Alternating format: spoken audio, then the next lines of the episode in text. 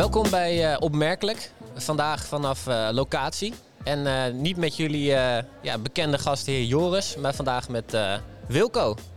Wilco, ehm, kan je jezelf even kort, kort voorstellen? Uh, dat kan ik zeker. En uh, om te beginnen is het een hele eer dat ik uh, Joris deze keer mag vervangen. Het wordt een hele moeilijke opgave, maar daar ga ik me uit zijn best voor doen. En, mijn naam is Wilke Rozema. Ik werk inmiddels iets meer dan tien jaar bij Dyneta. actief in het dataveld binnen de onderzoeksbranche. Um, ja, waarin we zowel data als tech oplossingen, oplossingen bieden. Ja. ja. Je zit ongeveer even lang in het vak, denk ik. Ja, dat scheelt niet heel veel. En wij vanuit, vanuit Validators werken ook al, denk ik, jouw hele carrière uh, samen met, uh, met Dyneta. Um, en we zijn vandaag, misschien is dat wel even heel goed om te zeggen voor de mensen die dit luisteren. Uh, we zijn vandaag op het MI, Marketing Insights Event. En wij gaan het vandaag, jij en ik, gaan het vandaag hebben over trends. Over de trends die wij zien in, in de markt, op onderzoeksgebied, maar misschien ook doen we een mooie detour langs de macro-economische trends. Maar dat zien we zo meteen wel. Wat is volgens jou uh, hetgeen waar uh, de markt, en dan heb ik het even over marktonderzoek, uh, mee te maken gaat hebben in de komende, laten we zeggen, pakweg vijf jaar? Nou, dat is een hele goede vraag. Ik denk met meerdere um, facetten. Um, belangrijkste die daaraan speelt is, nou, één, je, je raakt al een beetje economische situatie. Um, is de vraag wat gaat dat doen met budget op een gegeven moment. Aan de andere kant hebben we een enorme vraag naar data op dit moment. Waarin eigenlijk de vraag uh, de mogelijkheden tot supply soms wel overstijgt. Um, we mensen engaged moeten houden voor onderzoek. Um, en dat een nou, druk op budgetten de kwaliteit van gedegen onderzoek wel degelijk in gevaar kan brengen. Um, nou, ook met de pandemie, transformatie van de digitale wereld, merken we dat daar heel veel veranderingen in uh, ontstaan zijn. Ja, dat zijn trends waar wij als industrie heel erg op moeten samenwerken, willen wij uh, het ecosysteem uh, op lange termijn ook houdbaar houden. Ja. En wat is dan een van de kan je, kan je iets noemen over, want wij zijn als onderzoeksbureau voor een groot deel afhankelijk van de data die wij krijgen vanuit, of krijgen, inkopen bij onze leveranciers. Kan jij een van de dingen noemen die jullie doen om datakwaliteit hoog te houden of om dat in de toekomst hoger nog te gaan, uh, Nee, dat kan ik zeker. Uh, dus er vindt heel veel tegen technologie plaats. Waar in een uh, heel vroeg stadium, jaren geleden toen wij begonnen met samenwerken, zaten de checks aan de voorkant van de recruitmentstromen. Digitale fingerprints maken uh, van mensen. Nou, daar wordt best wel veel data meegenomen. nou, om, om eventueel de, de bots te herkennen, worden vrij makkelijk uit de surveys gehaald wat je nu merkt in een bepaalde is een, is een trend waarin mensen um, zich toch anders willen voordoen dan wie ze zijn. En wat heel moeilijk in die digitale fingerprint uh, uh, terug te vinden is. Nou ja, daar hebben we een stukje technologie voor ontwikkeld, wat in survey uh, met machine learning en AI het antwoordgedrag van mensen kan beoordelen. Om, om te bepalen of mensen disengaged zijn, dan wel zelfs frauduleus. En ja, juist door dat soort mensen geautomatiseerd te verwijderen, zij niet een incentive kunnen oppakken, denk ik dat we het hele ecosysteem weer een stap vooruit kunnen, dus kunnen helpen tijdens, dat een respondent een vragenlijst aan het invullen is, even heel plat geslagen, kan je eigenlijk al zien of die er serieus mee bezig is of dat het een bot is. Of...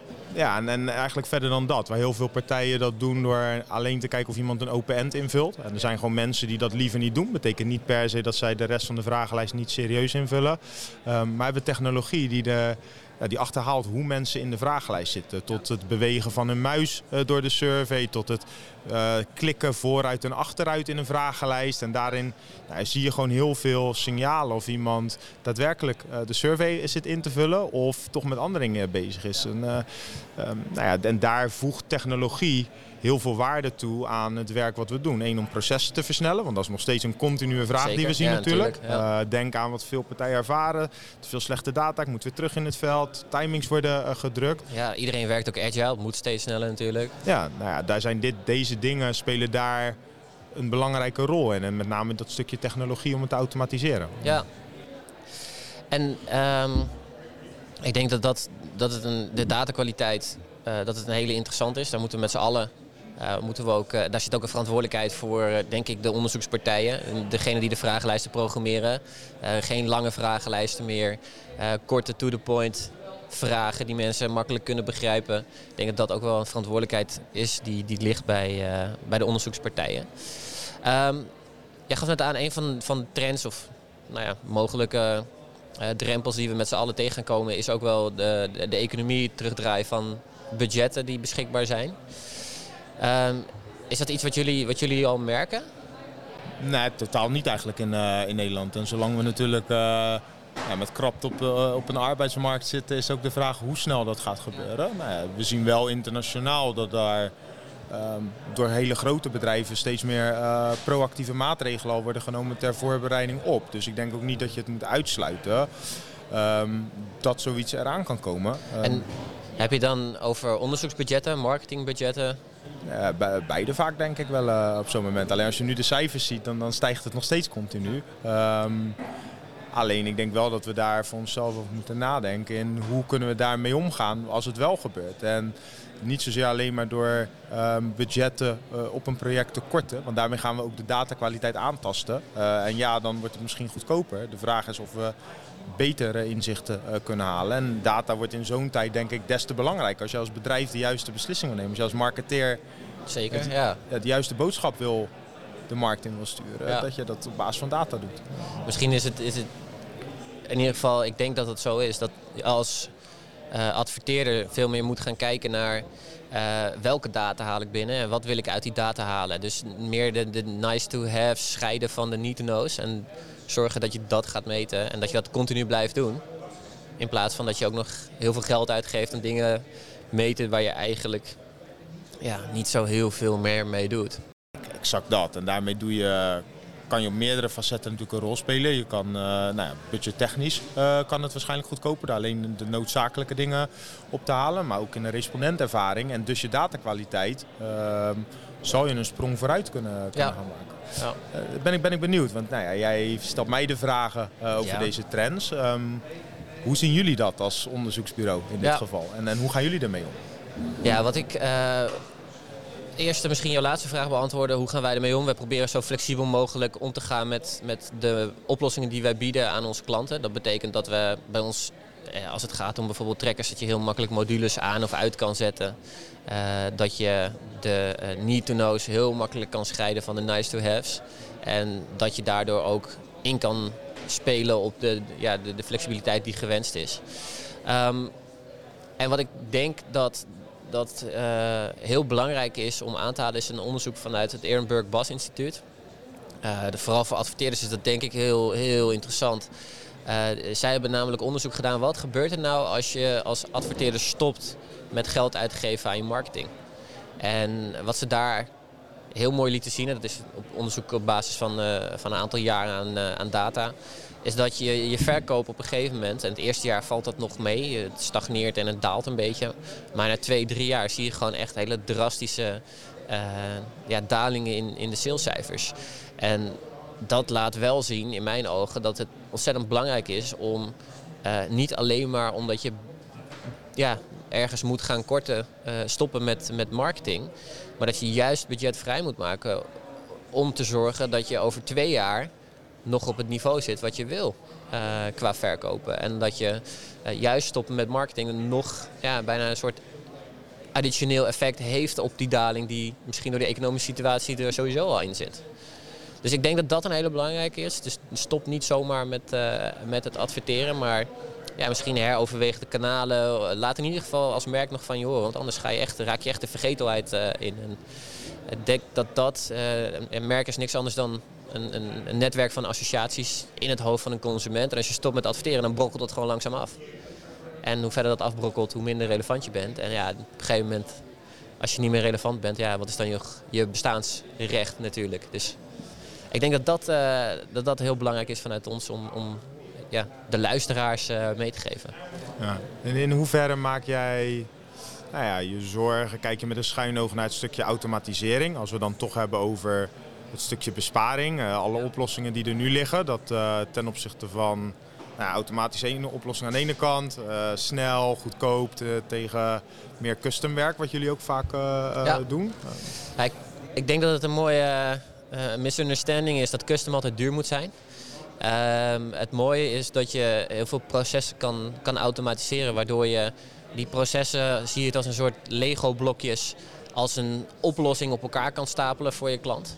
En uh, juist doordat je die flexibiliteit hebt en die blokjes hebt gestandardiseerd, kan je tegen een, uh, nou ja, een, een vaak gunstiger tarief dan uh, de grote spelers dat kunnen, kan je een hele mooie maatwerkoplossing, die ook nog een keertje heel gunstig geprijsd is, opleveren.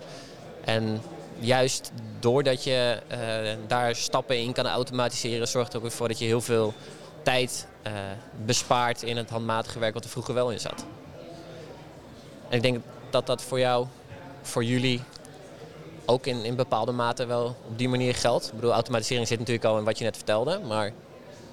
Ja, ab absoluut. Kijk, ik denk in iets andere mate nog dan in, in, in wat jullie doen, denk ik. Omdat wij geen onderzoeksbureau zijn. Um, wij maken geen vragenlijsten, wij doen geen analyse uh, op zo'n moment. Maar alles wat daartussen zit wel. Um, waarin standaardisatie makkelijk is, uh, efficiënter in veel gevallen. Um, maar het gevaar van standaardisatie in sommige gevallen is ook dat wij maar vragen blijven stellen, data blijven ophalen, omdat het in een standaard template zit. Waarin we juist soms keuzes willen maken in, nou, je zegt het net zelf, wat is echt relevant. En in dat opzicht is standaardisatie uh, nou ja, ook niet altijd de oplossing in mijn belief. En ik vind ook dan niet dat beide uh, um, elkaar in de weg hoeven staan. Het gaat erom welk probleem wil je oplossen en, en wat heb je ervoor nodig om dat probleem uh, op te lossen. Ja, even goed de vraag achter de vraag in kaart brengen en op basis daarvan hetgeen wat de klant nodig heeft gaan faciliteren. Ja. ja. en ik denk dat we daar ook nog wel als industrie een hele grote stap kunnen maken. Hoe vaak het niet voorkomt. Ja, ik hoor vanuit mijn eindklant dat die en die vraag nog moet worden toegevoegd. En de volgende dag die en die nog. En ja, voor je het weet zit iedereen weer op de 15 minuten. En dat is ah, eigenlijk best wel schrikbarend. Dat dit gesprek is wat we al tien jaar voeren misschien, uh, acht jaar. En nou, iedereen weet het, maar als je kijkt naar hoeveel vragenlijsten er nog steeds boven de 10 minuten zijn, dat ja. is wereldwijd gewoon meer dan 80 procent. Ja, de helft van de studies is niet mobielvriendelijk. Ja. Weet je? Dat, nou ja. wat, wat is een beetje de optimale lengte van de vragenlijst?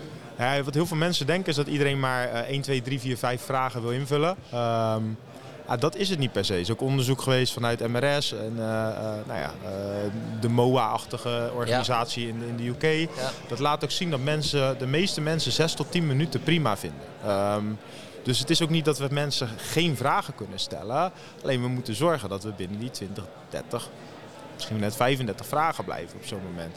11 tot 15, dat begint al in nou ja, een wat, wat moeilijkere zone te worden ook qua, qua attentie. En daarboven ja, zijn er wel mensen die het afmaken. Maar dan moet je wel echt heel erg je vraagtekens hebben bij de datakwaliteit. En nou ja, ondanks dat onze supply jaar over jaar gestegen is, heb ik voor het eerst in de afgelopen anderhalf jaar moeite gehad om trekkers te vullen.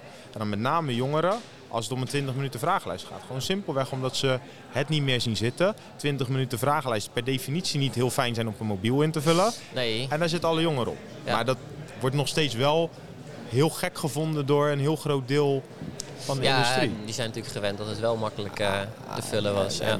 Dan heb ik altijd mijn vraagtekens erbij. Is als ons werk als industrie het is het begrijpen van consumenten. Maar we moeite hebben om te begrijpen wat mensen fijn vinden om in te vullen dan ontstaat er wel een disconnect natuurlijk. Ja, zeker. Wat is de langste vragenlijst die jullie ooit hebben uitgezet? Oh, wil je het weten? ja, zeker weten. Uh, nou, ik, ik, heb, uh, ik, heb, ik heb verschillend werk gedaan. En dat, uh, ik, ik heb vragenlijsten gehad waar mensen een tv-serie van een uur in moesten kijken en ondertussen vragen moeten invullen. Dus dan, dan zit je daar rond. Ik durf niet exact de allerlangste, maar die zal ergens met dat soort opdrachten erin wel tussen een uur en een uur en twintig minuten gezeten hebben. Wat je daar vaak doet is wel mensen echt pre-recruteren, zodat ze weten dat eraan ja, komt. Want, precies. Ja. Ah, ik weet niet of jou het leuk, maar ik maak niet zo makkelijk meer een uur van mijn tijd vrij. En als dat nee, gebeurt, zeker niet. dan loopt er inmiddels een klein omheen te rennen. Um, waardoor ik de helft van de vragenlijst waarschijnlijk niet, uh, ja. niet meekrijg of, uh, of de serie. Um, ah, ik, denk, ik denk in, in die categorie, maar we hebben ook wel klanten die knippen vragenlijst op in drie, vier delen. Dat mensen achter elkaar, of als ze willen, de volgende dag uh, door kunnen. Ja. Ja, het is ook een vrij moeizaam proces. En, uh, ja, dat kan ik me wel voorstellen. Ja. Ja. ja kijk, ik, ik denk met name, en niet, niet alleen vanuit mijn straatje, maar dat nou ja, men moet beseffen dat als jij boven de 10 minuten komt, dat je data gewoon anders eruit gaat zien dan ervoor. En ja, dan vind ik, uh, vind ik het, het eigenlijk het mooiste wel. Is dat een, uh, nou, niet het mooiste, maar vind ik het nou, aparte vergelijking hebben in een TikTok. Die speelt heel erg in op de markt van 30 seconden uh, attentiespannen. Maar als je kijkt naar hoe een vragenlijsten zijn, structureel 20 minuten om jongeren te bereiken. Ja, dan vind, dan zie ik daar een... Een beetje een mismatch. Uh, ja, de disconnect die ik eigenlijk bedoel. Maar zelfs op dat vlak, vanuit een eindklant die in zijn bedrijfsvoering heel erg richt op, op, op dat facet, de, de attentiespannen, maar dan in onderzoeken heel veel moeite mee heeft. Nou ja, en dat identificeert voor mij wel het hele, hele probleem. Ja, dus je zegt eigenlijk dat wij ook gewoon mee moeten in die veranderingen. Dat we ook na moeten denken hoe kan je die, die vragenlijst aantrekkelijker maken. Misschien wat korter. Uh, hoe zorg je dat je inspeelt op die verminderde maat van aandacht van consumenten? En begrijp me niet verkeerd, er zit voor ons ook een belangrijke rol. Ik denk ook dat wij nog steeds ja zeggen tegen, uh, tegen dat soort uh, trajecten. Ik denk ook dat sommige trajecten niet van dag 1 op dag 2 kunnen worden aangepast. Ik denk wel dat daar waar het verhaal al acht jaar relevant is en nooit echt de urgentie gevoeld werd om het echt aan te pakken. Nou ja, en, en daar waar nu een markt um, waar er meer vraag is dan supply, ja. is die noodzaak veel groter geworden. Uh, ja. Ik kan me heel goed voorstellen. En ja, ik denk dat het ook voor, uh, voor respondenten gewoon leuk moet zijn om, uh, om vragenlijsten in te vullen. En niet alleen maar gaat om een incentive die ze daarvoor krijgen. Vul je zelf als vragenlijst in? ja, zeker. Ja? Niet alleen die van onszelf. Ik vind het ook altijd wel leuk om mee te kijken wat gebeurt er nog meer. wat, wat zie je zelf? Wat, wat, wat kom je zo al tegen? Nou ja, wat je tegenkomt, het is dingen die je zelf probeert te vermijden natuurlijk, is dat er heel veel vragen uh, verplicht worden gesteld. Bijvoorbeeld open vragen. Waar je dan denkt, ja, ik, het, het boeit me bijvoorbeeld niet wat, wat, wat, uh, waarom ik een merk X uh, vind dat ze een, een, natuurlijke uitstraling hebben. Ja, dat vind ik gewoon. En ja, als ik daar dan verplicht een antwoord op moet gaan formuleren, vind ik dat heel ingewikkeld. Of voor, ieder merk wat ik ken nog zes dezelfde vragen moet gaan beantwoorden. Ja, op een gegeven moment ben je daar ook al klaar mee. Dus ik denk dat dit een extreem goed antwoord was op jouw vraag.